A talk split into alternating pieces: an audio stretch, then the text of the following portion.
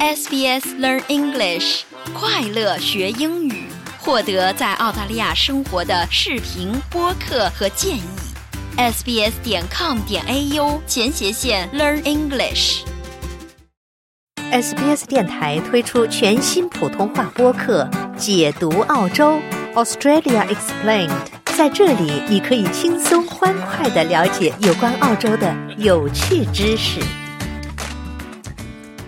听众朋友们，您现在正在收听的是 SBS 普通话电台为您带来的闲话澳洲的节目。那在上周的节目之中呢，我们是为大家盘点了一些澳洲的糕点啊。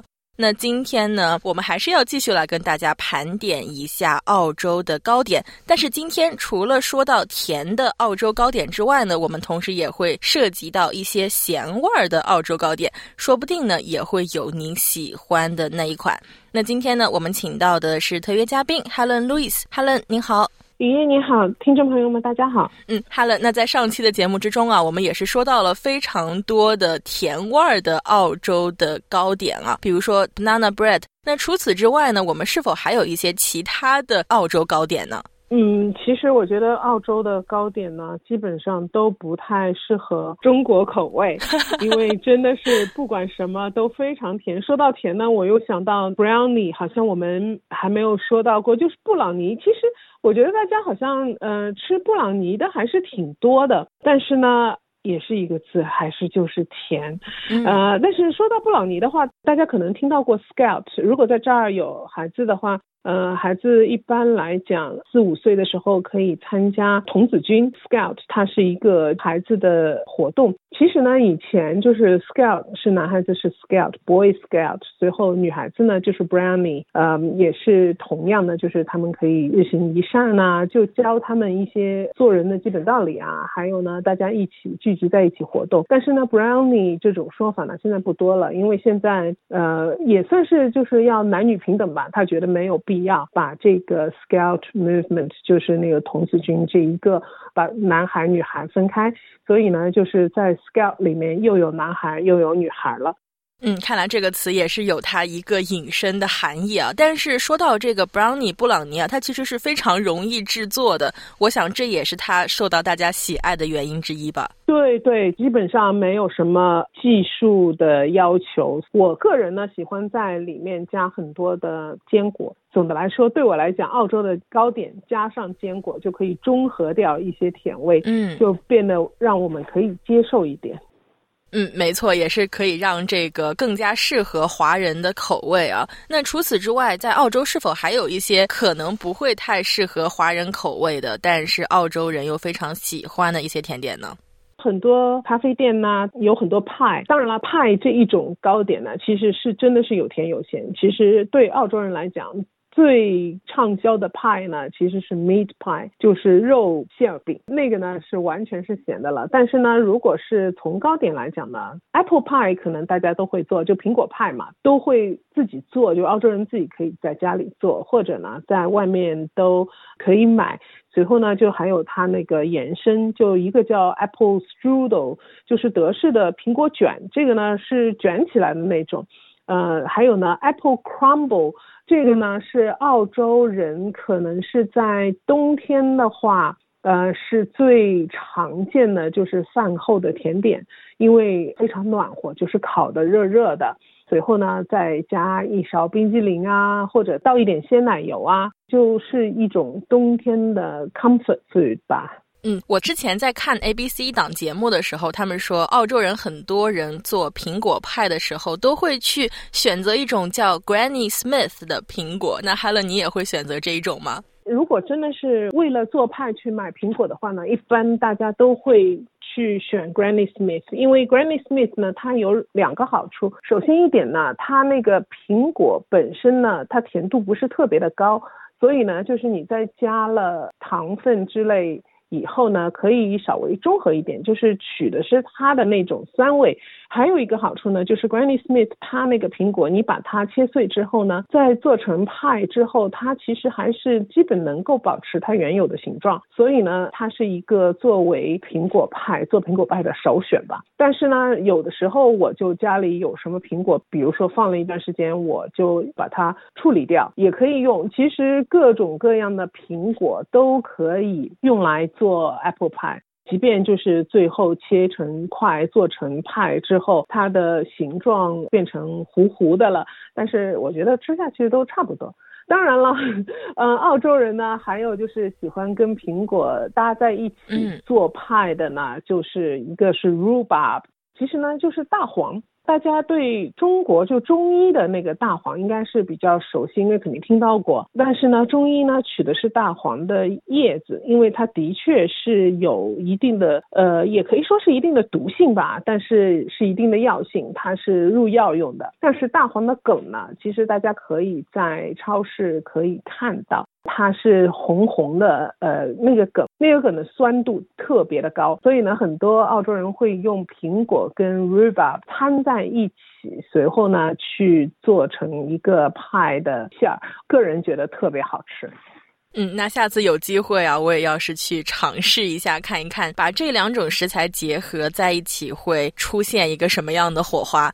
那刚刚我们也是说到了这个 apple pie，那其实我们平时在澳洲去到餐馆或者是 cafe 去吃饭或者是喝咖啡的时候，很多时候大家都会配上一个 cheesecake。那 Helen 自己也会喜欢吃 cheesecake 吗？对，我其实挺喜欢，我也挺喜欢吃 cheesecake，因为 cheesecake。作为一个澳洲的 cake 来讲，其实呢，它就不是特别的甜，因为它有奶酪里的那种淡淡的酸味嘛，所以呢，我就比较喜欢吃 cheese cake。澳洲的 cheese cake 呢，通常呢是不是烘焙而成的，就是它是里面加了奶酪之后，随后呢再加一些吉列丁，随后呢就让它在冰箱里成型。所以呢，做 cheese cake 的话呢。技术含量也不是特别高，所以大家都可以尝试着做一下。当然了，还有一个纽约奶酪蛋糕，就是 New York Cheesecake，这个大家可以看到。我觉得它跟澳洲的奶酪蛋糕的区别呢，一个呢就是它是烤出来的，纽约奶酪蛋糕呢是需要烘焙的。另外一个呢就是澳洲的奶酪蛋糕，其实很多呢它用。用的底呢，就是用一些淡的甜味的那种小饼干，就是原味饼干，它把它捣碎之后，跟黄油一起融化的黄油一起搅拌，这个呢是作为 cheesecake 的奶酪蛋糕的底座。但是纽约奶酪蛋糕呢，基本上是没有这个底座，就是一个奶酪蛋糕烤出来这样子。嗯，看来澳洲的这个奶酪蛋糕和美式的这个纽约奶酪蛋糕还是有一定的差别的呀。那下次呢，听众朋友们去到澳洲的一些咖啡厅去点这个奶酪蛋糕的时候，也可以去关注一下。那说到这个英语的区别啊，那 Helen，我觉得您肯定也知道，就是在澳洲说到这个焦糖布丁这个词，可能澳洲人的定义跟其他英语国家的定义是不一样的，是吗？呃，是的，就是那个时候呢，我其实是去查过 flan 这个词，因为我到了澳洲，我看一个 apple pie 旁边放了一个 fruit flan。我觉得，哎，这个两个看着差不多，它到底是什么区别？随后呢，我就去查过。随后呢，维基词典会告诉你，flan 呢是焦糖布丁。但是呢，在澳洲呢，其实 flan 跟 pie 呢其实是差不多，跟 pie 还有 tart，就是呃，我们好像之前也提到过，没错，这一种呢其实都是差不多。它用的呢都是那个 short crust 那个酥皮做的壳，随后呢在里面呢就放。甜一点的馅，我觉得，嗯，其实就看有的人呢喜欢用 flan 或者 tart，这样的话呢，可以跟澳洲的国民派，也就是肉馅儿的派，可以区分开来吧。嗯，也是一个用法上的不同啊。那除此之外呢，说到澳洲的国民的糕点啊，除了刚才 Helen 说到的这个肉派之外啊，其实还有一种就是叫做蛋白蛋糕 Pavlova。说到这种蛋糕啊，其实我是有一些比较负面的记忆的。但是 Helen，您是不是会喜欢这种呢？我特别喜欢呃 pavlova，因为这个是我经常做的。其实呃做起来很方便，就是废鸡蛋，也不是废鸡蛋，因为你它只用蛋白，所以呢你就需要在同时准备好把那个蛋黄做成其他的东西。pavlova 呢，它是真的是澳洲的国民蛋糕了，在任何时候大家都会说哦，we just have a pav，就是澳洲。大家知道都喜欢缩略嘛，所以 Pavlova 呢，在澳洲人口中的昵称就是 Pav。嗯，呃，它其实是就是以一个芭蕾舞女演员的名字 Pavlova 它命名的。嗯，它呢是一个奶酪蛋糕，我个人觉得呢不是特别的甜，而且呢它其实我觉得它是制作起来呢也很容易，呃，随后呢只要你把它做完之后，高高的给它堆上一些奶油啊，一些新鲜水果啊，长相呢也就比较好看了，而且呢它本来就不是那种圆圆整整的那种蛋糕。个人认为呢，因为我觉得我不是一个烘焙能手，所以呢，Pavlova 这个我还是可以驾驭的。随后呢，刚才我们说到那个 flan，就说它那个焦糖布丁，其实呢，澳洲的焦糖布丁呢是呃 cream caramel，这个呢其实跟 Pavlova 呢从原料上呢是绝配，因为焦糖布丁呢只用蛋黄，Pavlova 呢只用蛋白，所以呢可以同时做两个，这样的话呢就不会把蛋黄给浪费了。也是一个非常勤俭持家的两个甜点吧，可以两个甜点一起做的话，就可以用到一个蛋之中的蛋白和蛋黄，也就不会浪费了。那除此之外，我们是否还有一些用蛋白来做的一些甜点呢？对，还有一个属于一个澳洲比较常见的叫 lemon meringue pie。这个 meringue 呢，其实就是把蛋白打发之后。把它堆积在一个柠檬派上面，随后呢再放到烤箱里面，或者甚至于就是用那一种烘焙用的那个喷火枪去把它呢，就是上面一层给烧焦，就是烧到焦黄了。随后呢，这个派呢就是这样吃的。呃，marine 这个词呢就是打发的蛋白。加了糖，那其实就是 marine。其实澳洲也喜欢，就是把它做成，就与其做成 pavlova，它做成一块一块小的 marine。这个呢是可以把它剁碎了，放一点冰激凌啊，或者浇一点奶油啊，放一点鲜的鲜梅之类的，可以作为饭后甜点来吃。还有呢，就是可以作为一个孩子的一个小的零食来吃，都可以。所以澳洲人对 marine 就是打发的那个蛋白，随后呢，呃，就是烘焙凝固，这个呢还是情有独钟的。也是非常有澳洲风情的一款糕点吧。那说到这个糕点啊，刚才我们也是说到，澳洲的糕点对于华人来说可能是不太适合大家的胃啊，可能会有一些偏甜。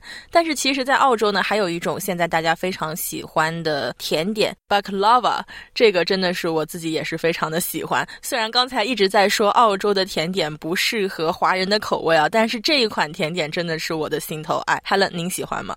我 怎么说呢？Baklava 我比较纠结。我喜欢它呢，因为它本来就是坚果，它主要是用开心果吧，所以对我来讲就是它 tick one box，就对我来讲就是满足了一个需求。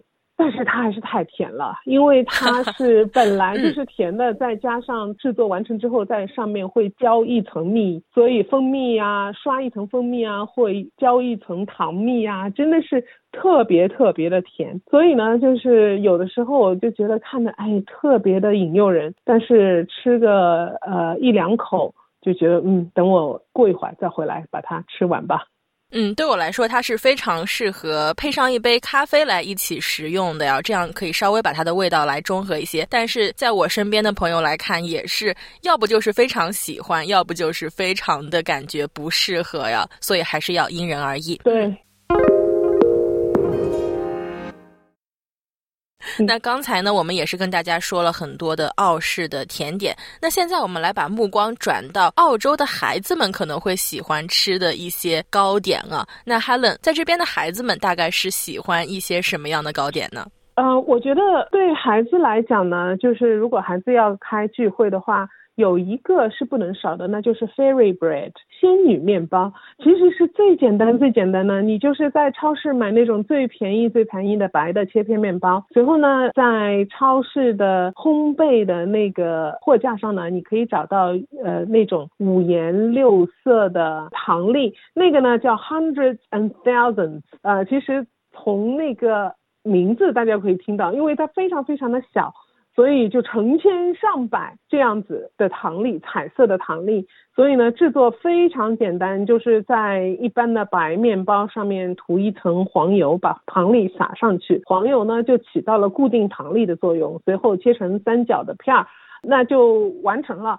孩子呢都特别爱吃，但是呢，个人认为不喜欢，因为那糖粒呢老是卡在牙缝里。所以可能还是小朋友会比较喜欢这一种糕点啊。对于可能不会烘焙的妈妈们来说，也是一个非常快手的一个糕点。对，其实还有很多大家作为家里有孩子的，可能应该是早餐的麦片可能备有 cornflakes，或者呢，呃，coco pops，呃，rice bubble 啊，就这些。如果不想烘焙的话呢，可以用这些早餐的。麦片去做成糕点，比如说 chocolate crackle 巧克力脆，或者呢 honey joy。honey joy 呢，我翻译成蜂蜜小确幸，其实呢它 joy 就是小确幸那种。其实 honey joy 呢是真的是非常非常简单，它就是用一点黄油、蜂蜜加上那个 cornflakes，就是玉米片，把它搅和在一起，随后把它放在那个纸杯蛋糕的纸杯里面，等它凝固了，那它就可以了，就可以作为一个。怎么说呢？作为一个小零食，在孩子们开生日趴的时候，就可以经常去那么做。嗯，也是非常方便啊，用家中现有的食材来简单的加工一下，就可以变成一道小朋友们非常喜欢的糕点了。那除此之外，是不是还有一些其他的小朋友的心头爱呢？如果是去咖啡厅的话，呃，我现在就可以脑补，就是咖啡厅的柜台上。会有一一系列的罐子，随后玻璃罐，随后里面就是放了很多不同的饼干。曲奇饼，这个呢，就是我记得好像我们前一期说过，那个 cookie 跟 biscuit，就 Anzac cookie 跟 biscuit 有什么区别？cookie 这个词呢，真的是对澳洲来讲，就是只是用在这样的饼干上面，这种大大的，随后上面呢可能有巧克力碎，或者呢可能有的时候他们会把那个 M&M，就是那个巧克力是那种果糖衣的，呃，没有花生的那种圆圆的，一粒一粒的呢，它放在上面，所以呢一般会。讲叫它 spotty cookie 或者 spotty cookie，因为它上面有斑斑点点的。这个呢，真的是特别吸引小孩子。一般来讲，如果带着孩子去咖咖啡馆的话，那么他们可能会要求啊，我要一个 spotty cookie。这样小朋友就可以在家长们享受咖啡的时候去享受自己的曲奇饼干了。小朋友可以来一杯 baby chino，最后来一个大曲奇饼干。没错，太惬意了。那除此之外，我知道澳洲还有一种相当于是小朋友非常喜欢的甜点，但它长得是其实很像一个马卡龙的形状。那 Helen 对这种是否也有一些了解呢？嗯，呃，语言你说的可能叫悠悠，或者呢叫 melting moment。嗯。之所以叫它悠悠呢，因为大家知道悠悠就是一溜溜球，因为它其实长得跟溜溜球差不多，就是呃两块饼干当中有一个夹心。悠悠跟 Melting Moments 呢，其实基本上是一样的，它用料呢也基本上是相同的，它有那种入口即化的感觉。当然了，跟我们大家都非常喜爱的马卡龙呢就不一样，因为夹心的那个饼干本身呢就没有马卡龙那么轻盈。嗯，所以说还是有非常多的区别的，但是呢，只要小朋友们喜欢就 OK 了，我觉得。对。那刚才呢，我们也是说到了很多澳洲非常常见的糕点。感兴趣的听众朋友们呢，可以结合我们上一期的节目来获得一个关于澳洲糕点的这样一个完整的概念啊。那 Helen，刚才我们也是说到了非常多澳洲的甜味儿的糕点，但是您刚才也提到，澳洲其实有一种非常著名的，可以说是在全世界都非常有名的一种国民的咸味儿糕点，可以来给我们介绍一下吗？对，那就是澳洲的 meat pie 了，肉馅的派吧。它其实真的是澳洲的国民食品，跟澳洲的橄榄球、澳式橄榄球 footy footy and pie 这个是绝配，就是是给人一种就是非常平民的，但是呢，呃，又非常管饱，大家又非常觉得吃的就非常开心的呃那种感觉。通常呢，它是用 puff 这种酥皮，就是千层酥皮，它呢裹。着呃美味的馅料，在澳洲的一般呃烘焙面包房里面呢，你都可以看到他们有自己的配方，随后呢做他们自己的 meat pie。通常呢他们会告诉你，他们是拥有最好的 meat pie 的烘焙店。嗯，一般呢是肉跟酱汁，到一般是用的牛肉，但是现在呢会有鸡肉跟蔬菜，甚至有的时候呢它有用咖喱的鸡肉啊或者咖喱的牛肉啊作为馅料来做。当然了，我建议大家呢最好买就是它有一种叫 chunky meat pie，就是大块肉馅的。那最起码呢这个可以保证这个肉呢是真正的肉，不是什么边角料。呃，还有呢，就是有一种叫 shepherd's pie，就牧羊人的派。这个派跟一般的 meat pie 呢，它有一个最大的区别，就是呃，一般的 meat pie 呢，它就是整个派，就是整个饼呢，它所有的馅儿呢都在里面，所以周围呢是完全被那个酥皮包裹住的。但是牧羊人派呢，它不用酥皮封顶，上面呢是涂了一层土豆泥。嗯，所以说还是有相对的区别的。那其实说到澳洲的这个肉派啊，我还想到了一种在澳洲目前已经很少看到的，几乎是绝迹的一种，也是会在这个澳式足球比赛的时候吃的一种糕点了，叫 Chico Pie，是吗？Chico，对，Chico roll，Chico roll，Yeah，Chico roll，Chico roll，对对对，嗯，它看上去呢有点像一个非常庞大的春卷。没错，现在感觉已经很少看到了。对，其实呢，好像超市你也可以买。我有朋友他会买来，就自从空气炸锅流行之后，我有朋友会买来，就是放在空气炸锅里炸一下，他就觉得非常好吃。但是我本人呢，不太喜欢吃 chico 肉，因为我觉得 chico 肉里面的馅儿不知道它是什么。没错，因为都剁得很碎嘛。但这种 chico 肉，我感觉还是非常有澳式风情的。如果没有尝试过的听众朋友们，可以去超市中寻找一下这个 chico 肉，来感受一下，可能是很久之前的这样一种澳洲非常流行的，在看澳式足球比赛的时候也会吃的这样一种食品。那除此之外，哈伦，我们是不是还有一些其他的咸味儿的澳洲的糕点，大家也是非常的熟悉呢？其实跟派手牵手的就是 sausage roll，这个呢，其实孩子也特别喜欢吃。呃，sausage roll 呢，它也就是用那种派用的酥皮，它呢会用那个酥皮呢，随后裹着是一种香肠的肉糜，当然味道可能有一点不同，但是呢。就是用来灌肠的那个肉糜，灌到肠衣里面的那个肉糜呢，它用酥皮裹起来，随后呢就去烤出来。这个呢其实也很好吃。我我有朋友其实把这个叫成澳洲的鲜肉月饼，因为我做过鲜肉月饼，所以我给朋友吃。他说，哎，这个就像我们这儿的 sausage roll。其实，哎，我说这个我们中国的鲜肉月饼啊，它里面的肉你起码知道这是啥，但是 sausage roll 香肠卷里面的。肉真的不知道它放了什么。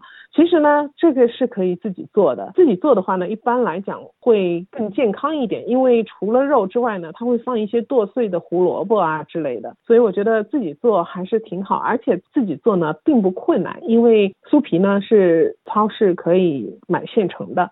呃，还有一种呢，就是叫 pasty。Pasty 它是什么呢？我管它叫没有韭菜的韭菜盒子，因为它长得真的跟韭菜盒子一模一样。没错。但是呢，它是在烤箱里烘出来的。它里面的馅儿呢，通常是会有肉跟蔬菜在一起，会加一些小青豆啊这些之类的。就跟那个派相比呢，派一。般里面是没有菜的，只有肉。所以呢，我觉得呃 pasty 的话可能就更加健康一点吧。其实一般长得像韭菜盒子的呢，一般是只会放蔬菜的。但是你可能会看到有一种叫 Cornish pasty，那一个呢，它有很漂亮的小褶子，随后褶子是在上边，看上去呢就比韭菜盒子那种 pasty 呢就更加胖一点。这个呢里面它是肉跟蔬菜放在一起的，所所以呃，我个人还是挺喜欢吃 pasty 的。